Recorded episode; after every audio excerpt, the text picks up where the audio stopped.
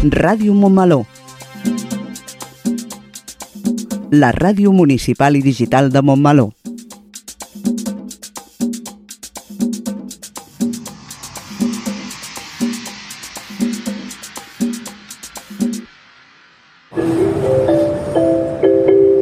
Propera parada, Montmeló.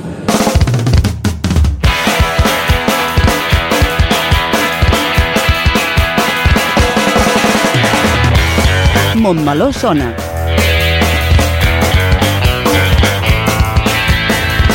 El magazín informatiu de Ràdio Montmeló.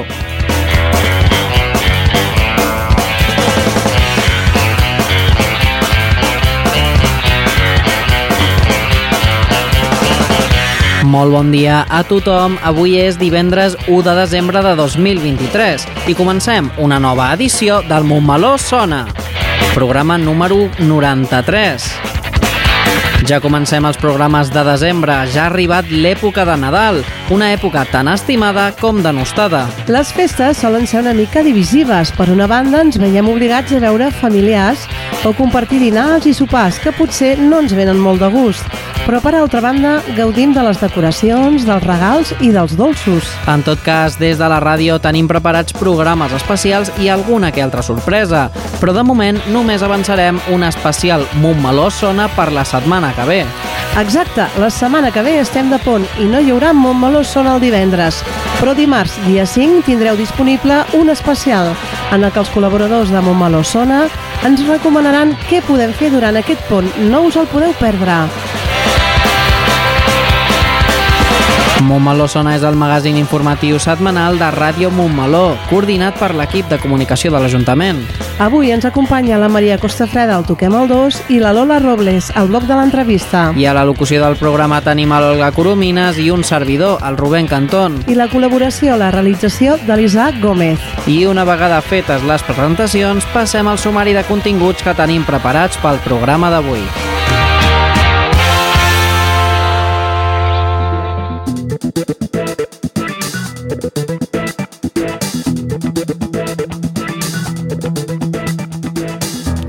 Comencem amb el Toquem el 2, on la Maria Costa Freda ens porta al Mercat Medieval de Vic i parla amb la regidora de Fires i Mercats, la Beth Piella. Seguirem amb el nostre espai informatiu Crònica de Montmeló, on farem un repàs de l'actualitat del nostre poble. Després farem una ullada a l'agenda d'actes que podem trobar els propers dies a Montmeló. Tot seguit, la Lola Robles entrevista la Judit Pérez, presidenta de la Unió de Botiguers i Comerciants de Montmeló, i l'Àngela Cartró, dinamitzadora d'aquesta mateixa entitat. I com ja sabeu, tot això i alguna cosa més és el que trobarem al Montmeló Sona d'avui 1 de desembre de 2023.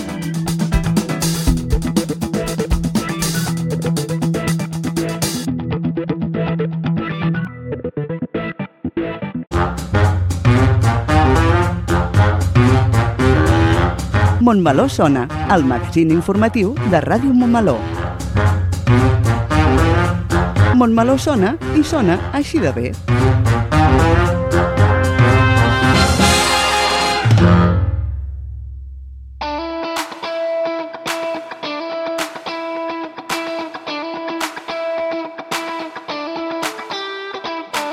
Iniciem el Toquem el 2 i el mes de desembre, un mes on les propostes culturals tradicionals i d'oci amb motiu de les festes nadalenques el tindrem ben ple i podrem triar i remenar. També a l'inici del mes i coincidint amb el pont de la Constitució i la Puríssima està marcada en el nostre calendari una proposta al marge de les festes nadalenques on els del Toquem el 2 no volem deixar de visitar. Ens ve molt de gust poder marxar cap a Vic amb motiu del seu mercat medieval que tindrà lloc del 6 al 10 de desembre. La capital de la comarca d'Osona es converteix en el marc idoni per recrear l'època medieval amb expositors repartits per tots els carrers propers al centre històric de la ciutat, amb una oferta àmplia i variada. L'oferta comercial i cultural del mercat medieval es complementa amb múltiples activitats lúdiques de tot tipus i per a totes les edats, fent d'aquest mercat un atractiu per gaudir tota la família. Tenim al telèfon a la Bet Piella, la regidora de Fires i Mercats, qui ens parlarà del Mercat Medieval de Vic. Bon dia, Bet, i moltes gràcies per atendre la trucada de Ràdio Montmeló. Hola, bon dia a tothom. Quins són els orígens del Mercat Medieval de Vic, Bet? Doncs mira, eh, els orígens ens hem de remuntar, remuntar fa 27 anys que fem aquest mercat i aleshores des de la ciutat de Vic, des de l'Ajuntament, es va decidir que es volia fer eh, alguna cosa per posar en valor aquest passat medieval de la ciutat, aquests carrers que tenim, aquestes places, que són un escenari natural, perquè la ciutat és una ciutat medieval. I aleshores, com que aquí Vic som ciutat de fires i mercats, vam decidir fer un mercat medieval ja fa 27 anys, l'hem consolidat plenament i ens hem convertit ja en el segon mercat medieval més important de l'estat espanyol o al mateix nivell que el més important, que és el d'Alcalá de Henares. Quin balanç hi feu des dels inicis fins a l'actualitat? Doncs fem un balanç molt i molt positiu. Ja us dic que durant aquests 27 anys hem anat analitzant sempre tot el funcionament. Només vam tenir, evidentment, dificultats en l'època de la Covid perquè no vam poder fer el mercat eh, com, com sempre en els, en els centres del carrer històric. Penseu que tenim moltíssimes parades, aproximadament 400 parades d'artesania d'alimentació de tot tipus, que les distribuïm per tots els carrers de la ciutat, els carrers del centre històric, com us deia, de, que són medievals, per tant, imagineu-vos que són carrerons estrets, i aleshores eh, cada any ho hem anat millorant, però ara estem en, una, en un moment molt dolç, diguéssim, perquè tenim molts visitants, molts expositors que venen venir, volen venir, més dels que podem acollir, i, es, i us dic que són 400, vull dir que ve gent de tot l'estat, de Cantàbria, d'Illes Balears, d'Euskadi, del País Valencià, de Portugal, i en aquests 27 anys el que hem fet és doncs, anar-lo millorant, millorar tota la part de parades, però també sobretot millorar tota la part d'activitats de passacarrers, de tallers, de teatre, la zona infantil, la zona d'oficis. Al llarg de 27 anys, evidentment, ha evolucionat molt i ara jo diria que estem en un moment de molta consolidació. Això també és el que et volia preguntar, perquè a part de l'oferta comercial, quines són les ofertes culturals i lúdiques d'enguany? Doncs mira, enguany, i també ja és una tradició, tenim les demostracions d'aus rapinyaires, el llançament de, de destral, són tot d'activitats que volen portar a l'època medieval.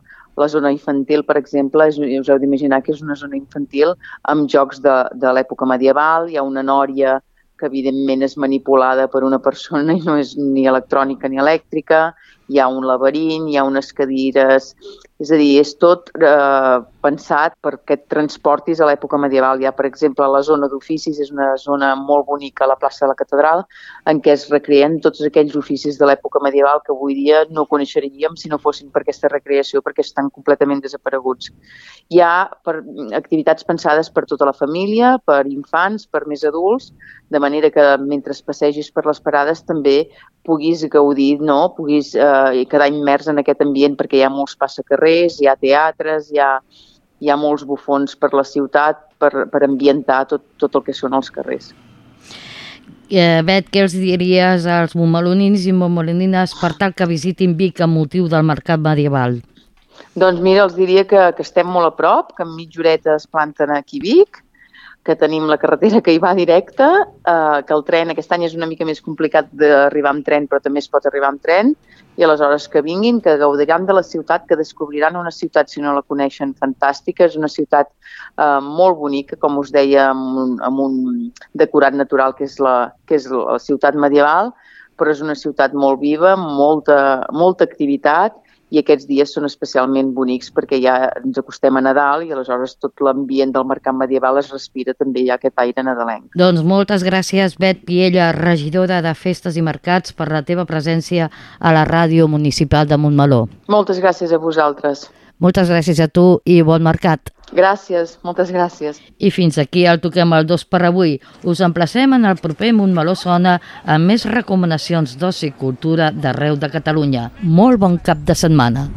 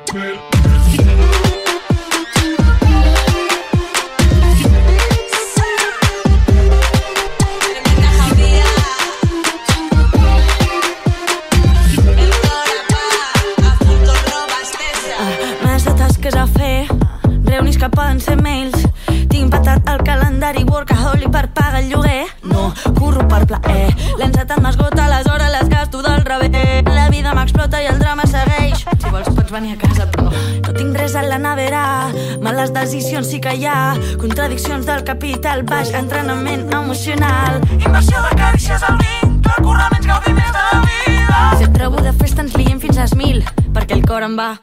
A full converte mucho. Poder bailarnos cerca.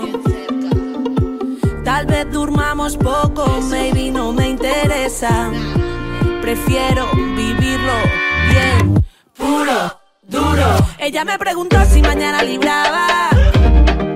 Del curro descanso, pero el cora no para.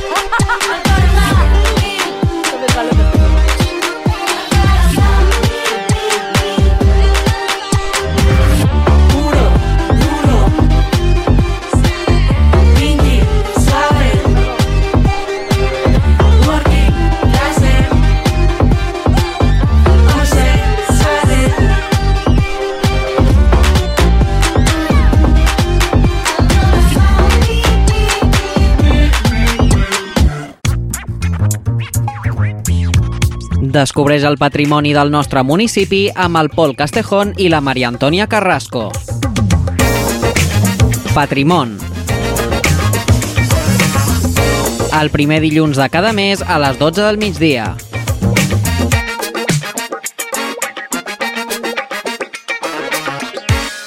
T'imagines un lloc on descobrir, on explorar? Un lloc on llegir, aprendre i compartir? Tot això i molt més a la teva biblioteca. La Diputació de Barcelona i els ajuntaments posem al teu servei 228 biblioteques i 10 bibliobusos per apropar-te a la cultura i el coneixement. bibliotecavirtual.diva.cat Diputació de Barcelona.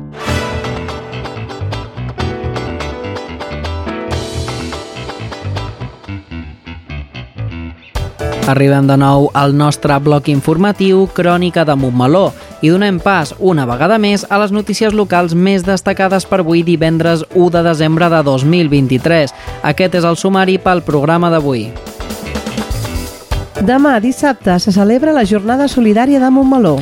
Diumenge 3 de desembre, Dia Internacional de les Persones amb Discapacitat. Nova convocatòria per sol·licitar un hort urbà. Rock per Nadal i marionetes per començar l'any a la sala polivalent. La taxa de residus pel 2024 puja un 5% i es veurà compensada per reduccions. A més d'aquestes notícies, us parlarem sobre els actes previstos per aquests propers dies.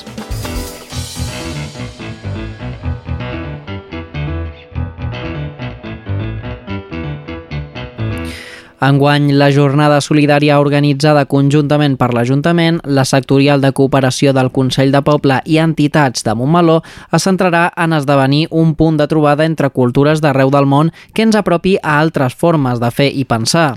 Al matí podrem gaudir a la plaça de la Vila de paradetes, tallers i activitats per tothom.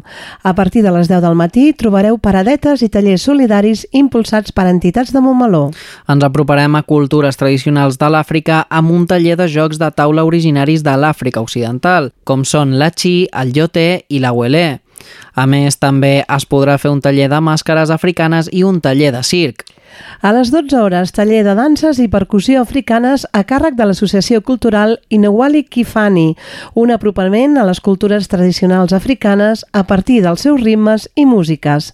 També comptarem amb paradetes d'ONG i associacions que desenvolupen projectes de cooperació arreu del món i que vindran per donar a conèixer els seus projectes. A l'una del migdia farem el vermut amb aperitius preparats per entitats de Montmeló amb receptes de menjars de diferents cultures del món. Vine i tasta sabors, olors i menjars de cultures d'arreu. Et podràs endur les receptes per fer-ne a casa teva. Durant la jornada també es podrà veure l'exposició Indestructibles, amb fotografies d'Alfons Rodríguez i textos del periodista Xavier Aldecoa. Aquesta mostra fotogràfica persegueix un canvi de visió sobre l'Àfrica i el seu jovent, allunyant-nos d'una posició distant i pessimista i apropant-nos a una generació que vol avançar cap a un futur millor. Aquesta exposició es podrà veure al Museu Municipal a partir del dia 5 de desembre, conjuntament amb l'exposició A pie de valla Frontera Sur, creada per sindicalistes solidaris amb fotografies de José Antonio Semprere. Quan parlem d'un entorn accessible, entenem que aquest té un conjunt de característiques que fan possible que pugui ser utilitzat pel màxim nombre de persones en condicions d'igualtat. Un espai que ha estat dissenyat per tothom suposa un benefici pel conjunt de la societat, atès que totes les persones som susceptibles de tenir-ne alguna limitació en algun moment de la nostra vida. Alhora, l'accessibilitat és fonamental per aconseguir una societat basada en l'igualtat de drets i d'oportunitats, ja que ens dota d'autonomia i ens suposa un mitjà per desenvolupar una vida social activa. Tots tenim clar que un espai accessible físicament és aquell que té en compte, entre d'altres coses, que les persones que necessiten una cadira de rodes per desplaçar-se han de disposar d'un ascensor i que aquest, a més, ha de tenir la botonera a una alçada adequada. També sabem que al carrer posar rampes als passos de vianants i reduir els sotracs del paviment és molt útil per a aquestes persones.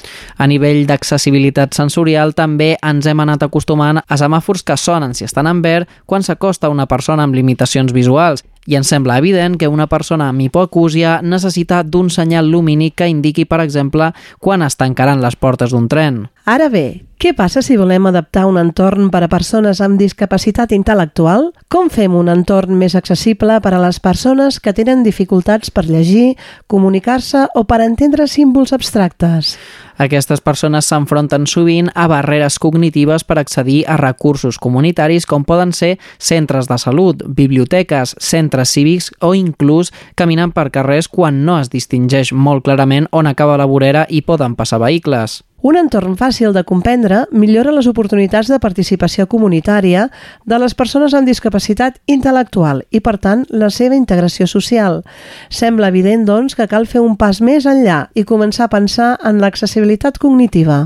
Amb això ens referim a mesures senzilles com, per exemple, la correcta identificació dels edificis, la senyalització dels seus punts estratègics, la disposició de l'espai intuïtivament, la col·locació de panells informatius amb lletres clares i fàcils de llegir o la utilització de marques al terra que permetin orientar-se en l'espai.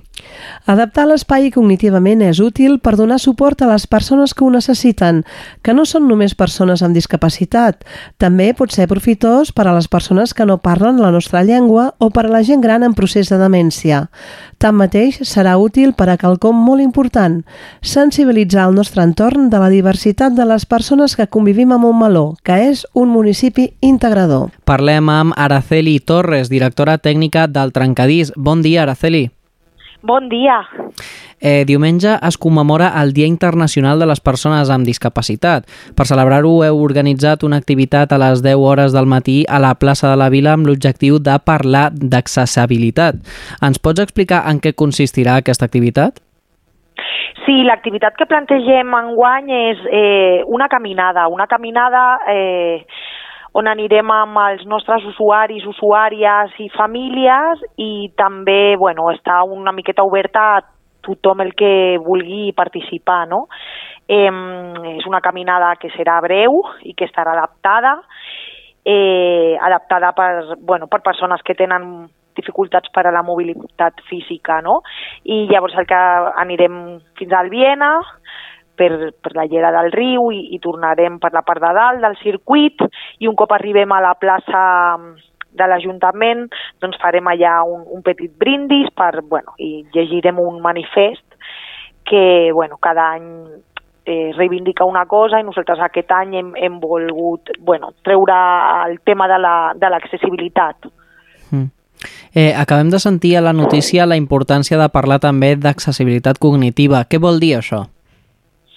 Bueno, doncs mira, quan, quan parlem de que un entorn ha de ser accessible, no? vol dir que, que ha de ser mm, còmode d'utilitzar per, per tothom, no? tinguis les característiques que tinguis.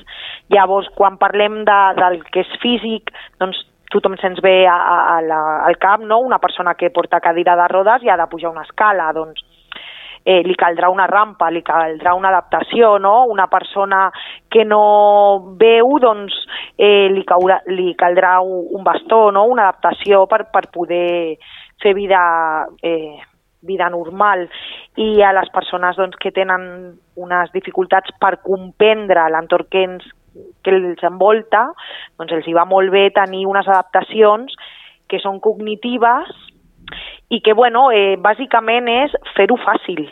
Mm. Fer-ho, bueno, mm, generar entorns que siguin intuitius, que estiguin molt bé senyalitzats, eh, dissenyar cartells explicatius que siguin senzills, recolzar-nos en, en suports doncs, visuals, eh, oferir textos que siguin en lectura fàcil, eh, utilitzant un llenguatge planer, no?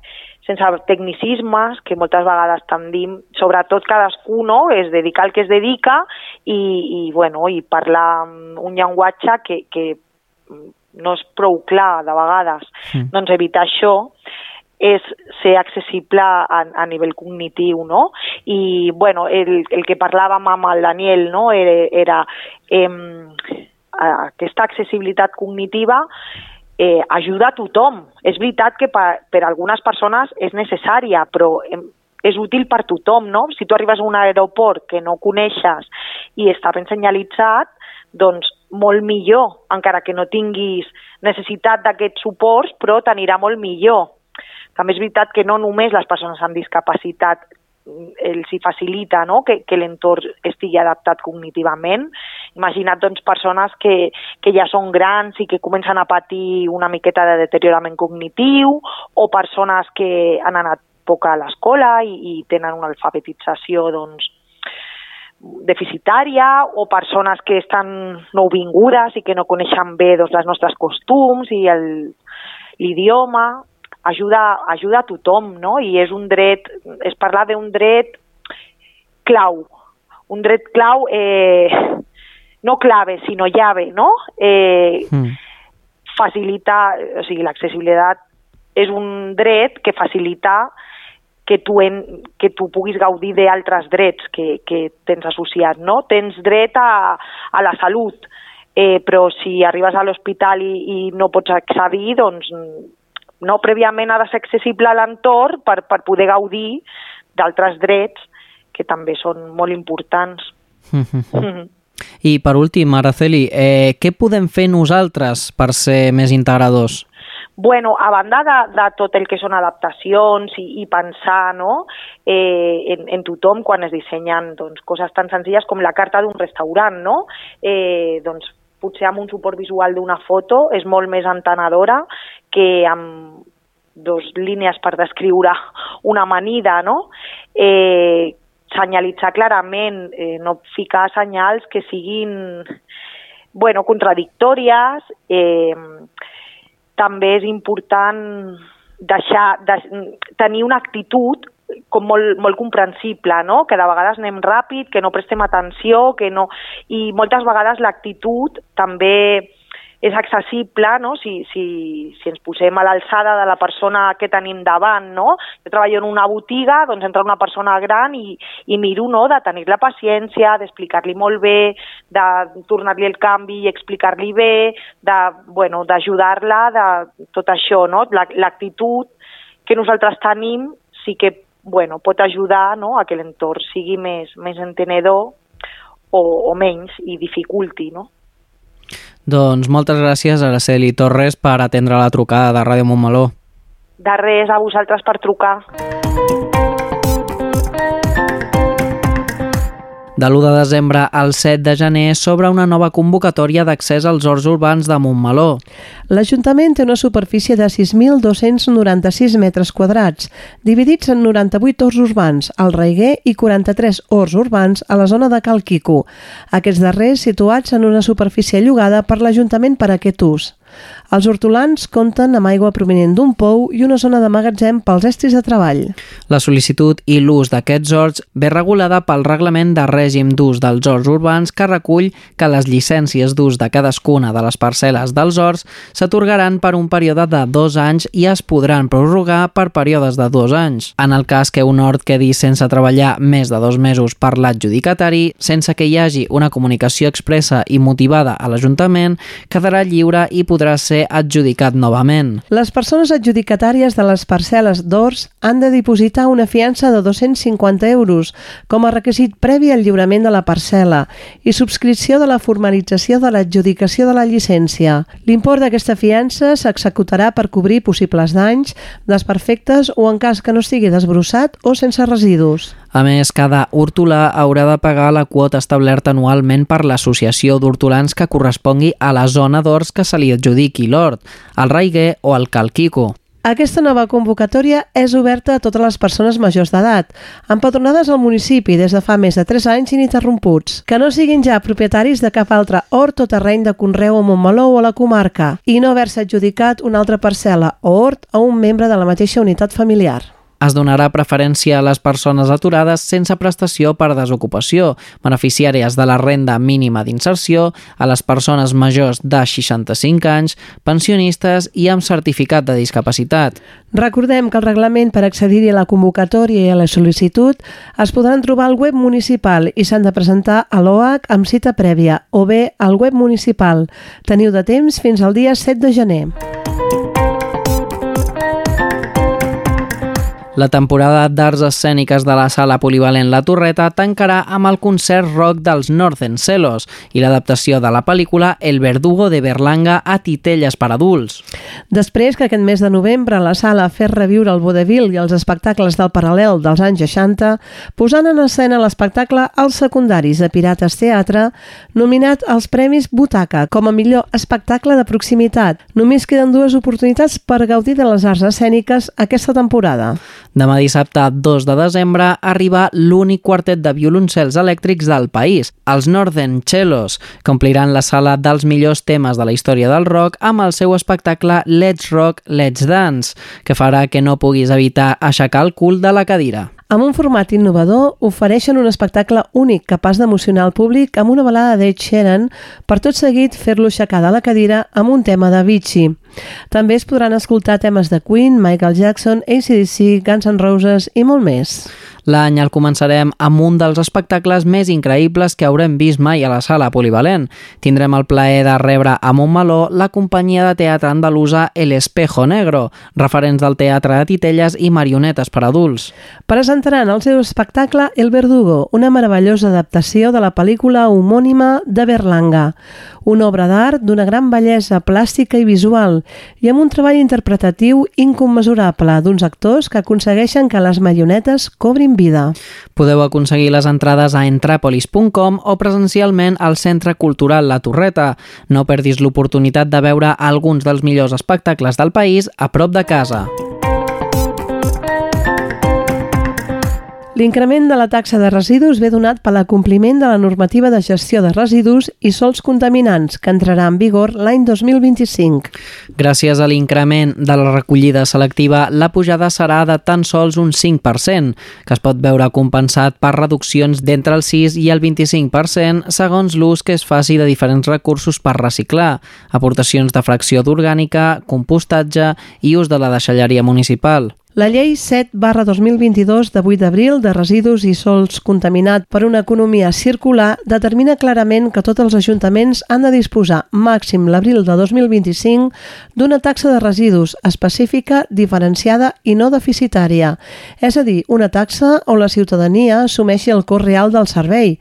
Ha d'incloure la recollida, el transport, el tractament, manteniments de plantes, postclausura abocadors, la comunicació... Per poder complir amb aquesta normativa estatal, l'Ajuntament de Montmeló ha previst un augment del 5% de la taxa de residus. Gràcies al nou sistema de contenidors tancats implementats fa un any, hi ha hagut un descens important de la recollida i la gestió de la fracció resta i un increment substancial dels retorns de les fraccions d'orgànica en vasos, paper, cartró i vidre. Sense aquest canvi de contenidors que ha favorit l'augment de la recollida selectiva i per tal de complir amb la normativa, l'Ajuntament s'hauria vist obligar a incrementar un mínim del 23% la taxa de residus respecte a l'ordenança anterior ja que el cost de tenir un percentatge tan baix de selectiva hauria fet incrementar els costos totals del servei. Hi ha diferents opcions per aconseguir les reduccions de la taxa de residus per aquest 2024. Es podrà sol·licitar una reducció de tarifa a la taxa de la prestació d'aquest servei atenent al nivell de renda personal. En el cas de la recollida en habitatges d'ús residencial, gaudiran d'una reducció del 6% a aquells que realitzin aportacions de fracció orgànica a través del sistema de recollida municipal un mínim de 36 vegades l'any. Es comptabilitzarà un màxim d'una aportació per setmana independentment de nombre de vegades utilitzat el servei. Les aportacions es comptabilitzaran a través de la plataforma de control d'obertura de contenidors. La reducció del 6% de la taxa es comptabilitzarà segons les aportacions fetes durant l'exercici anterior. Aquells contribuents integrats dins la xarxa de compostatge casolà reconeguda per l'Ajuntament gaudiran d'una reducció de la quota del 15% de la tarifa. Per obtenir la reducció, els interessats hauran de sol·licitar expressament la seva integració en l'esmentada xarxa mitjançant una instància abans del 31 de març. S'aplicarà una reducció de tarifa del 25% de la quota d'aquest any als particulars que hagin utilitzat la deixalleria municipal un mínim de 5 vegades i 10 aportacions de residus no contemplats en els contenidors de recollida selectiva al carrer, paper, cartró, vidre i envasos, durant l'exercici anterior en funció de les dades facilitades per la deixalleria. Per obtenir aquesta reducció de tarifa caldrà tenir el carnet de la deixalleria. Tria bé, sigues intel·ligent i aconseguiràs reduccions de la taxa de residus, en el cas del 6% per les aportacions d'orgànica als contenidors i del 25% en l'ús de la deixalleria. No cal fer res més. Amb les dades obtingudes de la plataforma de control d'obertura de contenidors i del carnet de la deixalleria, s'aplica la reducció en el rebut de l'any següent.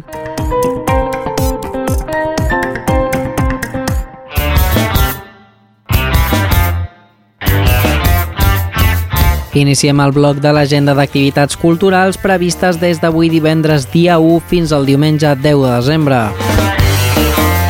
Avui divendres 1 de desembre, a partir de dos quarts de 10 del matí, la carpa del reciclatge estarà en el mercat setmanal parada informativa on podreu resoldre tots els dubtes que tinguis sobre la recollida de residus a Montmeló. Presentant la targeta TRIA us podreu endur una bossa feta amb material RPTE, elaborat a partir de plàstic reciclat.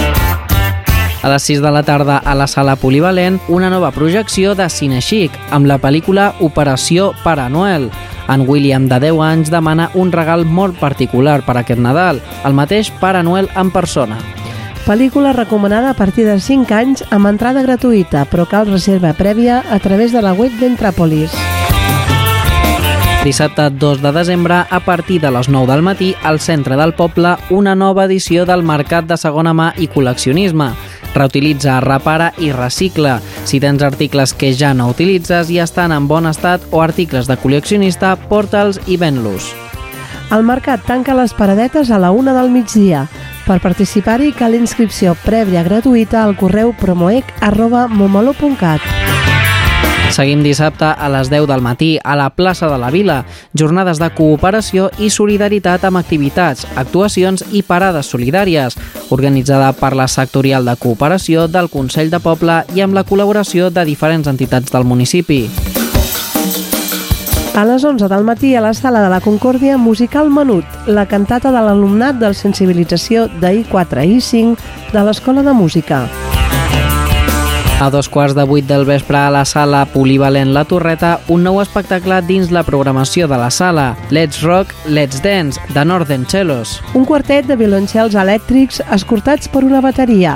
Interpreten medleys de rock, pop, dance i metal. La venda d'entrades és a través de la web d'Entràpolis i els descomptes a la Torreta. Telèfon 93 572 10 33. I acabem setmana, diumenge 3 de desembre a les 10 del matí a la plaça de la Vila, amb motiu del Dia Internacional de les Persones amb Discapacitat, el grup DEM ens proposa una caminada per la diversitat. Un recorregut on es podrà caminar amb i per les persones amb discapacitat. A dos quarts d'una es farà la lectura del manifest en defensa dels drets de les persones amb discapacitat i acabarem amb un brindis per la diversitat. L'activitat està organitzada pel grup DEM i compta amb la col·laboració de l'Associació de Voluntaris de Protecció Civil. A la tarda, a les 5, al Casal de la Gent Gran, l'Associació de Gent Gran de Montmeló ens proposa una nova tarda de bingo. Acabem diumenge a dos quarts de set a la sala polivalent La Torreta, el concert de Nadal a càrrec de les agrupacions instrumentals de l'Escola de Música. S'acosta al Nadal. Entrada gratuïta amb reserva prèvia a la web d'entrapolis.com. Dimarts 5 a les 5 de la tarda a la carpa dels desitjos de la plaça de la Vila, Manualitats i Nadales, taller de manualitats i cantada de Nadales. Activitat intergeneracional entre els infants del servei socioeducatiu i la gent gran. Dissabte 9 de desembre a les 10 del matí a la carpa dels desitjos de la plaça de la Vila. Guarniments i maquillatge. Elabora el teu guarniment nadalenc i emporta-te'l a casa. Participa al Pintacares de maquillatge fantasia. I aquesta és tota la informació municipal que teníem per explicar-vos avui. Setmana estranya, aquesta primera de desembre, on la Constitució i la Puríssima ens brinden un pont i una setmana ben curta laboralment parlant. Però tot i no tenir gaires activitats, agafeu aire, que les properes setmanes venen ben carregades. De moment ho deixem aquí i us continuarem informant al proper Montmeló Sona. I ja sabeu, tot això i algunes coses més les podreu veure, sentir i llegir a les xarxes municipals, al web montmeló.cat o a l'agenda mensual.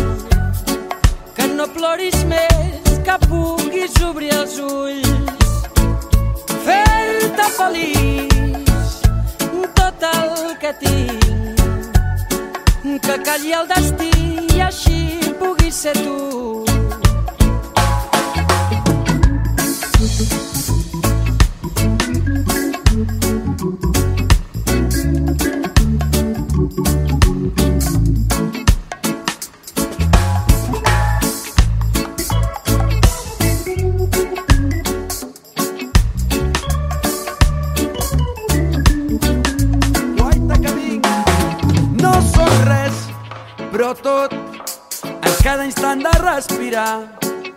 Si et canto despullo allò viscut tot ben foll i ben il·lús, canto el temps que fuig, sempre aprofitant el bon vent. I a cada passa moro donant-te trossets eterns de vida plens l'aire va ple de tu jo m'hi abraço foll penjant de ton al buit. L'aire va ple de tu. Jo m'hi abraço foll penjant de ton pit al buit. fer-te feliç tot el que vull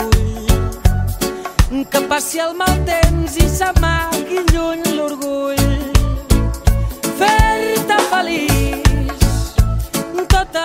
que tinc, que sigui tan fort que et surti tot de dins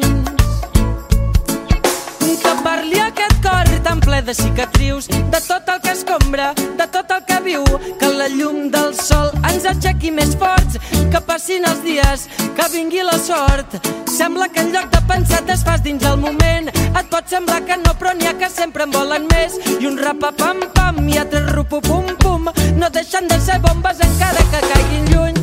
No vull que els meus diners matin famílies innocents, ni pensar que treballo i estic treballant per ells. A la merda els privilegis i a la merda del món segur, no hi ha res pitjor que quan manen els curts. Ei, feliç! Tot el que, tot el que,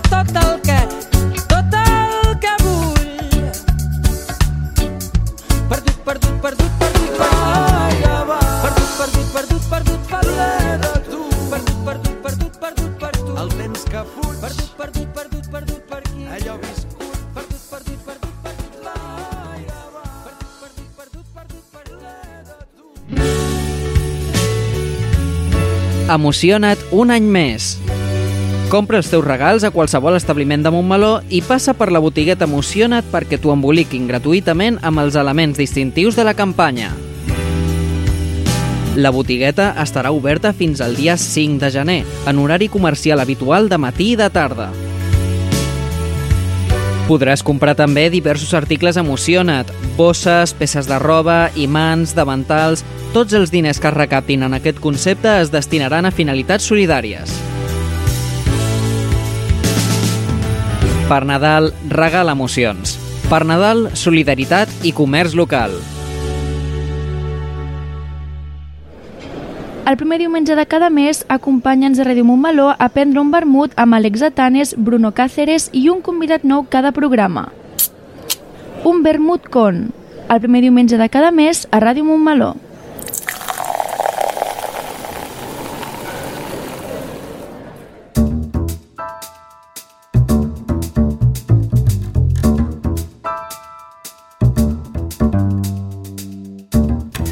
Comencem amb l'apartat de l'entrevista que avui es divideix en dos blocs.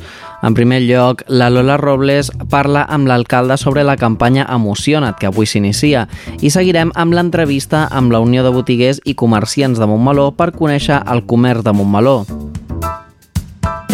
Bon dia, alcalde. Per quart any torna la campanya Emociona't amb la que comprar a Montmeló tindrà avantatges. Què és aquesta campanya i per a què serveix? És una campanya per dinamitzar mm, Montmeló, especialment al Nadal, i especialment pensada per donar suport al comerç local. Una, una campanya per facilitar, per fer atractiu que el màxim de gent possible faci les seves compres a Montmeló, al comerç local, que al final és el que ens dona servei durant la resta de l'any i durant tot l'any. Hem vist que a la plaça de la Vila hi ha una carpa. Què és? Doncs la carpa que s'ha instal·lat a la plaça de la Vila és la, l'anomenem com la, la carpa dels desitjos i és un lloc on tots els montmelonins i montmelonines que comprin a Montmeló rebran una targeta, una postal, per cada 10 euros de compra en rebran una i n'hi han 8 de diferents per eh, escriure el seu desig i penjar-lo allà, en aquella carpa. L'objectiu és que, que al final la carpa estigui plena de desitjos i de tots els desitjos que es pengin, al final es farà un sorteig que tindrà 10 premis de 60 euros cada un eh, de tots els desitjos que s'hagin penjat. A banda de la carpa, hi ha altres novetats? Jo crec que la part més destacable d'enguany és que aquesta carpa serà l'escenari, serà el lloc on eh, hi haurà tot d'activitats durant tots els caps de setmana del desembre. Comencem el dia 2 amb la Fira de la Solidaritat i la Cooperació i una fira de, de segona mà. El dia 16 tenim la, la Fira de Nadal. Tots els caps de setmana de desembre en aquella carpa s'hi faran activitats, tallers, concerts, xerrades, eh, activitats de tot tipus per dinamitzar justament el centre del poble, la plaça de la Vila, el carrer Major, i de fet la fira del dia 2 i la fira del dia 16, pel nombre de parades que tenim inscrites i per tant per la gent que vindrà, tallarem a l'Avinguda Pompeu Fabra des del Tinto Carolà, des, del, des de l'antic pont, fins al carrer Doctor Ferran, fins al, al carrer del Pavelló, i per tant tindrem una, un espai de fira comercial tot al centre del poble, acompanyat d'activitats en, la, en la carpa dels desitjos, en la, en la carpa de la plaça de la Vila. I per acabar, tindrem Casa dels Reis? Sí, enguany no té aquest nom, té eh, el nom de l'Observatori dels Reis i la idea és que sigui una, una activitat molt més participativa, no només sigui un recorregut contemplatiu o, de, o per veure uh, la casa, sinó que també hi haurà tallers, hi haurà activitats, no hi haurà restricció de, de vegades de visita ni de, ni de més enllà del que sigui l'aforament que ens permeten els jardins de la Torreta i per tant aquest any serà una activitat molt més participativa, també basada en, en conèixer com els Reis estan preparant la nit màgica de, dels Reis, la, la nit màgica del dia 5, però la idea és que sigui una activitat molt més oberta i molt més participativa per part de tothom. Doncs moltes gràcies, Pere. Seguim xerrant amb la Judit Pérez, presidenta de la Unió de Botiguers i Comerciants de Montmeló, i l'Àngela Cartró, dinamitzadora d'aquesta mateixa entitat, per conèixer com arriben a aquesta campanya de Nadal i com es troba el comerç local. Moltes gràcies per ser-hi aquí al Montmeló Sona de Ràdio Montmeló. Bon dia. Bon dia. Eh, amb l'arribada del Nadal s'engega la campanya Emociona't, que enguany arriba a la quarta edició per promocionar el comerç local i reivindicar el comerç de proximitat. Què és el que espereu d'aquesta iniciativa i com es beneficien compradors i comerços respectivament? Eh, és la quarta campanya, com tu, com tu has dit, uh, que llavors aquesta campanya de Nadal es fa conjuntament amb l'Ajuntament i Unió de Botigues de Montmeló i, i llavors pues, comença uh, aquest divendres, dia 1 de desembre i, i bueno, tot el comerç del poble que pot participar eh, sempre eh, bueno, part, eh, carnisseries, perruqueries, eh, totes estètiques, etc. Llavors, eh, el que volem fer, eh, també com l'any passat, es repartirà 100 vals de 100 euros per tot el poble, eh, que en total són uns, uns 10.000 euros que es, es repartirà, i això es farà per la compra mínima de 10 euros a tots els comerços i amb aquest tiquet de 10 euros han d'anar a la caseta de, de fusta que hi ha a la plaça de la Vila, de, es diu la botiga Emociona't, i, i allà es canviaran, o sigui, quan ensenyin el tiquet, es canviarà per un tiquet que entren en el sorteig d'aquests 100 vals. Eh, també el que es farà en la botiga que està emocionat, eh, també s'embolicaran regals, també es farà el marxandatge de, amb fi solidari cap a l'Hospital de Sant Joan de Déu, i també eh, entren uns sorteig per eh, uns desitjos que es penjaran a la carpa que hi ha a la plaça de la Vila, que aquests desitjos es repartirà a totes les botigues, són unes postals repartides als nens de 4 i 12 anys. I llavors són, també es descanvien a la botiga Emociona't eh, per entrar en un sorteig que seran 10 premis de 60 euros. Que això és una novetat, no? Em això sembla d'aquest any. Sí. sí, això és una novetat d'aquest any. I això, aquest sorteig es farà el 30 de desembre. Llavors, els, i els vals de 100 euros que es reparteixen 100 vals de 100 euros, es fa el dia... El sorteig es fa el dia 10 de gener. Que a part d'aquestes postals que quedaran penjades amb els desitjos, també més endavant vam parlar amb l'Ajuntament de mirar de fer com un, com un llibre bueno, de tots els desitjos que la canalla sí, que demani... Que quedés imprès eh, en un llibre Exacte, o, o un, un quadern o alguna que quedés, vull dir, per, per, pel dia de demà, no? Doncs mira, aquesta canalla, quan tenien aquesta edat, ens ha, han demanat això, no?, en aquest any. Pot ser una un bon, bona idea. Un bon record, també, sí. També una, una de les altres coses que fem eh, es dirà Montmeló s'omplirà d'estrelles, que això és uh, per, bueno, per quan venen els Reis, vale? a la Torreta es reparteix un fanalet uh, que allà també trobaran la inscripció on, a, on es trobaran també el, les espelmes Eh, o sigui que vagin a comprar amb el fanalet, han d'anar a un comerç de la Unió de Botiguers i allà trobaran un espelmalet per cada canalla. I això és el que servirà per rebre els reis. Que la gent volti el, pel que, poble exacte, i vagi d'una botiga a l'altra, que això és el que ens interessa, que la gent volti i vegi les ofertes que, ten, que hi ha a tot el comerç. Eh, fent balanç d'anteriors anys, eh, el mes de desembre és un mes positiu per al comerç local? Jo crec que és el més positiu. És el mes més fort de l'any i allà sí que tots els comerciants es beneficien molt. Sempre i quan hi hagi molt, molt poble, que es faci poble, les, que es compri a Montmeló, però sempre la gent, la veritat és que actua molt bé. A part d'aquesta campanya de Nadal, durant tot l'any es realitzen d'altres. Quins tipus de programes o iniciatives es porten a terme des de la Unió de Botiguers per incentivar i involucrar els veïns i veïnes en el comerç local? Bueno, sempre començant des de principis d'any, sempre comencem amb el Carnestoltes, eh, sempre es fan activitats pa, pels nens petits a la plaça, eh, si són pintacares o un fotocall, sempre es fan cosetes així divertides.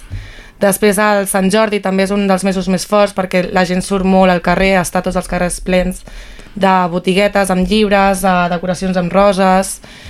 Eh, després està, sempre fem coses del dia del pare i de la mare, eh, de, bueno, de publicar o, o promocionar cosetes perquè tinguin idees els altres també per regalar pel pare i per la mare. Uh, després també és algo molt, molt tradicional, molt famós, el circuit de tapes, que també es fa un sorteig per la gent perquè participi i això, i és una manera d'incentivar a tothom perquè faci també poble. Després es fa alguna coseta també a la festa major, alguna activitat. Participem també amb la Fórmula 1 i el Gran Premi de, de motos, que llavors l'hostaleria surt al carrer eh, fent les seves paradetes i tal. Després també continuen amb la tardor de regals. La tardor de regals sempre es fan el descomptes entre les botigues i diguem que potser és una època més, més fluixa i la gent també així té, es beneficia d'algun descompte i també seguim fent el poble. I ja pues, el més important això, la campanya de Nadal, que com he dit és la campanya més forta, i a més es reparteixen 4.000 calendaris per tot el poble que es pengen a la paret i surt tots els anuncis de la Unió de Botiguers. Bueno, en tot el que has explicat d'aquestes campanyes que feu durant tot l'any es veu que el comerç de Montmeló està molt present no? en, en l'activitat de, del municipi. Eh, mm, treballeu amb altres sectors per promoure l'economia local? O sigui, quin recolzament trobeu per part de l'Ajuntament i com treballeu plegats? Bueno, treballem juntament amb l'Ajuntament, ens, ens ajuda bastant també, i, i amb l'esplai rebem, bueno, rebem una subvenció de l'Ajuntament també, a part de la Generalitat, i llavors, bueno, sí, col·laborem amb l'Esplai, amb l'Escola El Trencadís també hi col·laborem molt fortament perquè també sempre ens fan molts detalls, sí. vull dir que els hi passa, es, es paga, però vull dir, per cada campanya també sempre contem amb ells. I avui dia, en quina situació es troba el comerç local? Quin és el seu estat de salut, segons vosaltres? Uh, jo crec que bé, jo crec que bé, el que falta personalment, eh, falta una mica de motivació entre tots nosaltres, falta més l'ambientar els carrers, que sortim encara més per, per motivar a la gent del poble mm -hmm. i, i bueno, fer, fer pinya, bàsicament. I la gent de Montmeló compra el petit comerç eh, local o opta per comprar a les grans superfícies i sortir fora? Jo crec que compra bastant el, el comerç de Montmeló. Sí que és veritat que al final les grans plataformes és una competència directa i avui dia està... Bueno, és que és, és quasi impossible lluitar contra això. Però la gent fa molt poble pel, pel que jo veig. A l'època de Nadal acostuma a ser una època en, en què moltes persones fan compres a través d'internet. Com afecta aquest tipus de compra al petit comerç? Bueno, l'internet sempre, sempre afectarà.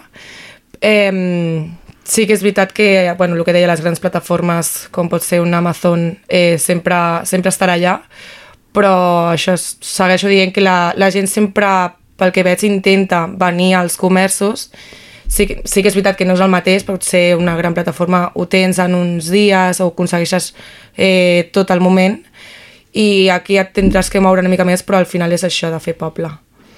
I a, i a part aquest motiu també per això la Unió de Botiguers també treballem perquè tot el comerç, tots els socis i els que no són socis, que s'apuntessin, que seria molta més gent, i llavors cada campanya, o sigui, guarnir molt els, els aparadors, o sigui, que, que el comerç que s'impliqui al 100% perquè la gent doncs, estigui motivada per, per, sí. per quedar-se al poble. Bueno, I una forma, o sigui, al comerç local hi ha una cosa que sí que no pot competir amb internet, que és aquest tracte de proximitat no? i de confiança amb, amb, el, amb el comerciant, no?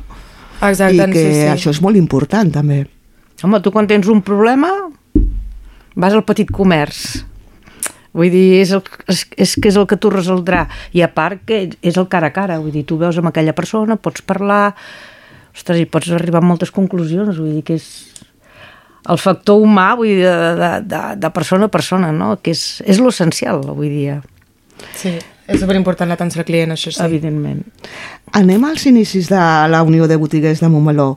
Què va impulsar la seva fundació i quina ha estat la seva evolució fins ara, Àngela? Bueno, la, aviam, ho van impulsar uns quants comerciants a dir, bueno, doncs fem pinya doncs per fer activitats. A llavors, bueno, des de l'any 91 està, està fundada la Unió de Botiguers, 91, 92, 91 em sembla que era.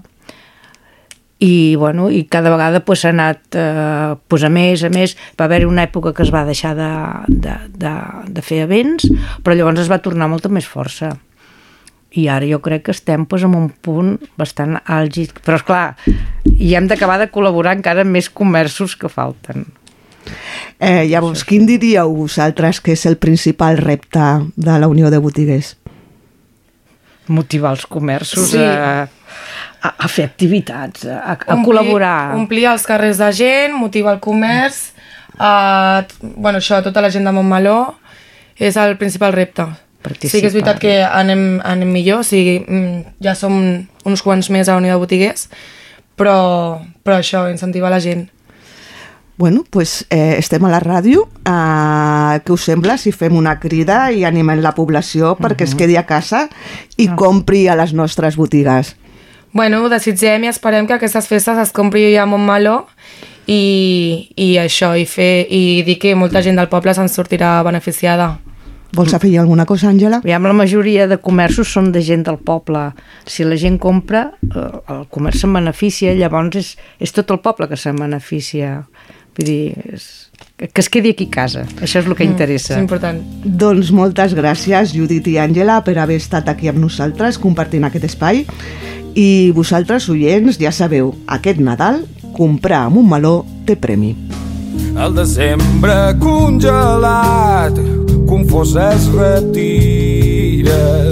Abril de flors coronat, tot el món et mira. Quan en un jardí d'amor neix una divina flor d'una ro, ro, ro, d'una za, za, za, d'una ro, d'una za, d'una rosa bella, fecunda i poncella.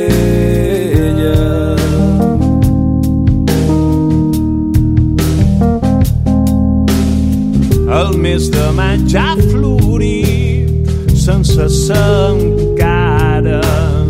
Un girilant tot polit de fragància rara que per tot el món se sent. De llevant fins a ponent tota sa, sa, sa, tota dul, dul, dul tota sa, tota dul, tota sa dulçura. I olor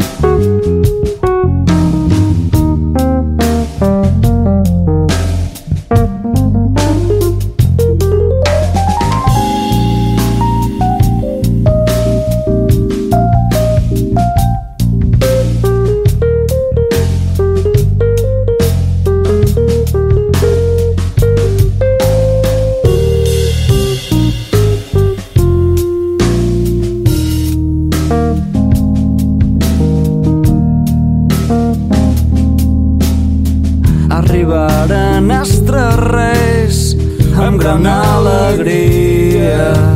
Adorant el rei del cel en una establia oferint-li tres presents com són or, mirra i encens a la mà, mà, mà, a la, ra, ra, ra, a la mà, a la, ra, la Mare Pia, la Verge Maria.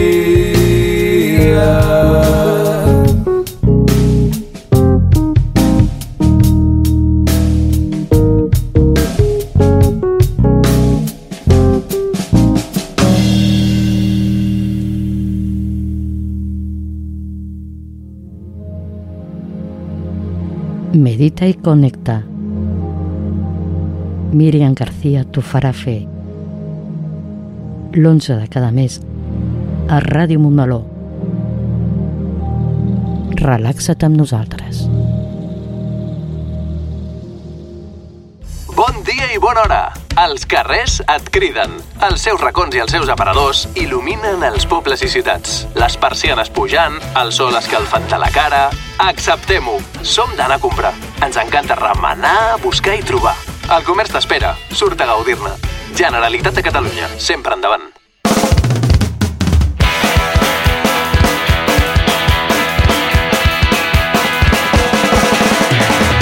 I ja arribem al final del programa d'avui, però abans d'acabar recordem la programació que podreu trobar a la ràdio durant el que queda de setmana i durant la setmana que ve. Dilluns 4 a les 12, la Maria Antònia Carrasco del Centre d'Estudis i el Pol Castejón del Museu Municipal ens porten un nou episodi de Patrimon amb el Marcel Comas com a convidat especial. Dimarts 5 a les 5 de la tarda, com ja hem avançat, tenim un Montmeló Sona especial Pont, en el que els col·laboradors del magazín informatiu setmanal de Ràdio Montmeló ens proposaran activitats per fer durant aquests dies de festa. I com ja hem dit, aquests dies estem de pont, així que no tindrem cap programa més fins al diumenge 10 de desembre, que ja serà disponible un nou episodi de Dos Quiciades. En aquest capítol, la Irene Cervantes i la Maria Socobosca ens parlen de com és ser un adulta funcional. Diumenge 10 de desembre a les 7 de la tarda. I amb tot això marxem, però com ja és costum us volem recordar que podeu contactar directament amb l'emissora si teniu qualsevol idea, suggeriment o opinió mitjançant el nostre correu radiomo.montmeló.cat o a través del telèfon i WhatsApp 637 150 702. Molt bon cap de setmana a tothom i recordeu que teniu cita pel dimarts abans de començar el pont, perquè Montmeló tornarà a sonar dimarts 5 de desembre de 2023 a les 5 de la tarda.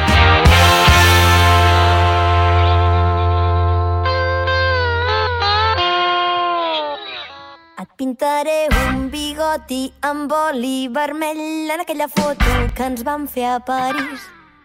Et pintaré un bigoti amb oli vermell en aquella foto que no puc sofrir. I a mi em pintaré cabells arrissats ben llargs per transformar en divertits aquells moments que no van ser-ho. Et pintaré un bigoti amb oli vermell vam fer a París. Et pintaré un bigoti amb oli vermell en aquella foto que no puc sofrir, ja que no te'l puc pintar de veritat ben llarg per veure tu un pèl divertit, tu que no ho ets ni mai vas ser-ho. Et pintaré un bigoti amb oli vermell en aquella foto que ens vam fer a París.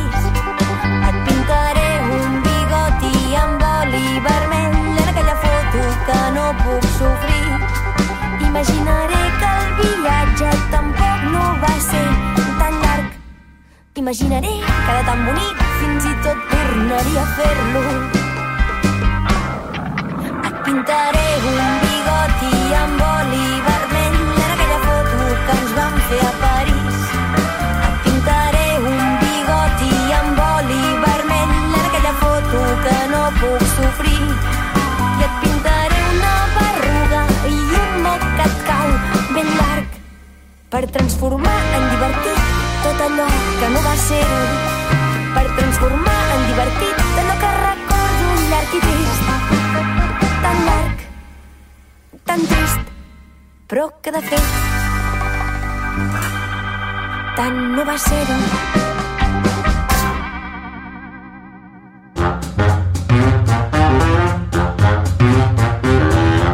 Montmeló sona, el magazín informatiu de Ràdio Montmeló. Montmeló sona i sona així de bé.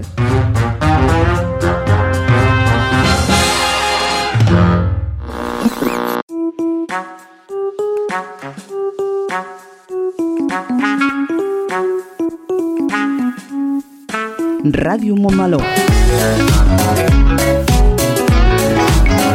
Sintonitza'ns al web radiomontmeló.cat i a través de les xarxes d'Instagram, Facebook i Twitter.